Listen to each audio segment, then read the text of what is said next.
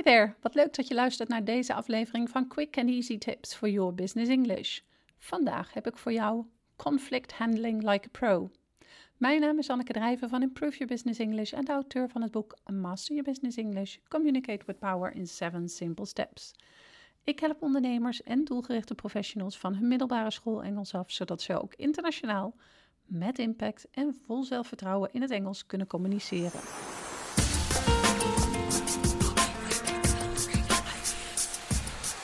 Hoe goed de band met je collega's ook is, het kan altijd voorkomen dat er iets voorvalt wat resulteert in een conflict situatie.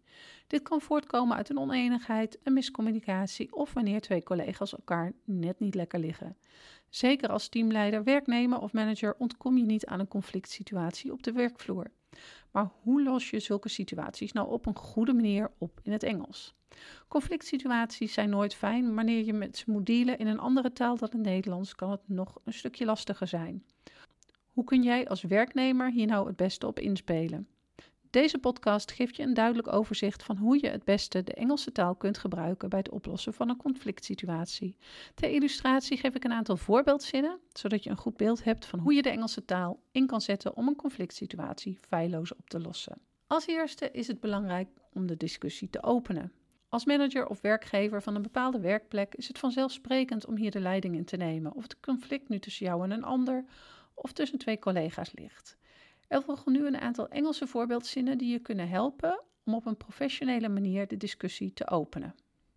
Hi Mark, I got a sense that you haven't been completely satisfied in some areas the last couple of days. Would you like to sit down and have a chat about it? I have the feeling there might be some issues we need to deal with. Would it be a good idea to have a chat about it? Julie, have you got anything on your mind? You're more than welcome to tell me if there is. Als je al een duidelijk beeld hebt van het conflict of een bepaald probleem op de werkvloer, is het belangrijk om direct het probleem te identificeren. Op deze manier zorg je ervoor dat je collega's het conflict niet langer uit de weg kunnen gaan. Hoe je dat doet in het Engels. Luister maar eens naar de volgende voorbeeldzinnen. I've noticed that you two are dealing with some trouble.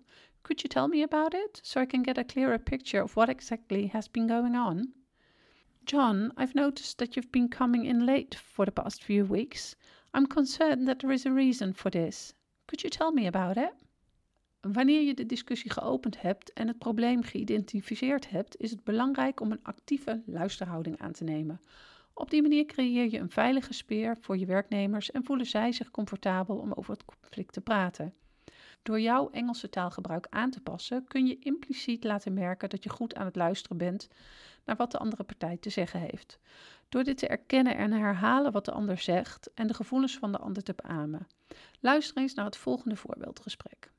Employee, I don't think it is fair that I've been assigned to nearly all early shifts these upcoming weeks. The shifts are supposed to be divided equally. Manager, I see what you mean. That does sound unfair. Employee, in my opinion, the shifts should be divided again, more equally this time.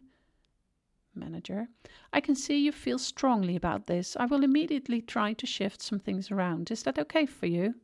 Employee, yes, thanks for listening. Zoals je misschien ook gehoord hebt tijdens het voorbeeldgesprek, is het belangrijk om sympathie uit te stralen. Dit deed de manager bijvoorbeeld door te zeggen: I see what you mean, en door direct een plan van aanpak voor te stellen. Dit draagt wederom bij aan het creëren van een veilige sfeer. Dit is essentieel zodat je collega's en werknemers bij een volgende conflict situatie zich ook comfortabel voelen om op je af te stappen. Andere voorbeeldzinnen die bijdragen aan het uitstralen van sympathie zijn bijvoorbeeld: I understand that you feel this way. I can see you feel strongly about this. I understand why. I know what you mean. Thank you for explaining it to me.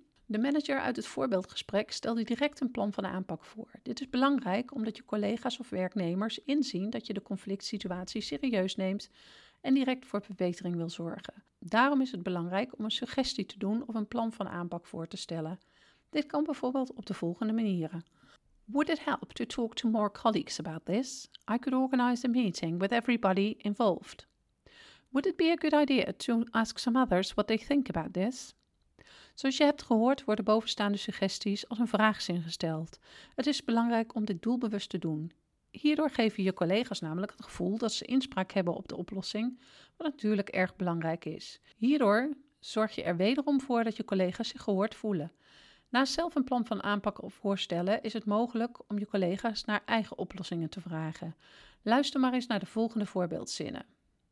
What are your own views on resolving the issue? What kind of solution would you propose? Do you have any suggestions for reaching a solution yourself? What are your own thoughts on how to move forward? Ter conclusie geef ik er een laatste tip mee. Het is belangrijk om indirect en diplomatiek taalgebruik toe te passen. Als werkgever of manager heb je namelijk de leiding om een conflict situatie op te lossen en het gebruik van jouw Engelse taal speelt hierin een grote rol. Miscommunicatie en frustraties kunnen namelijk snel van kwaad tot erger groeien en daarom is het belangrijk om dat te voorkomen door de manier hoe jij de situatie aanpakt. Gelukkig hoef je daar geen zorgen meer om te maken na het luisteren van deze podcast. Wanneer je deze tips toepast in jouw Engelse taalgebruik, zal de conflict situatie zich hoogstwaarschijnlijk goed oplossen. Als je deze aflevering hebt geluisterd, zou ik het enorm op prijs stellen als je een review voor ons zou willen schrijven op SoundCloud of iTunes. Dit helpt anderen weer om onze podcast te kunnen vinden en daarmee hun Engels te verbeteren. Ben je op zoek naar meer manieren om jouw zakelijk Engels te verbeteren? Bezoek dan onze website www.improveyourbusinessenglish.nl. En vergeet je niet om een review achter te laten op SoundCloud of iTunes. See you next time met quick and easy tips for your business English.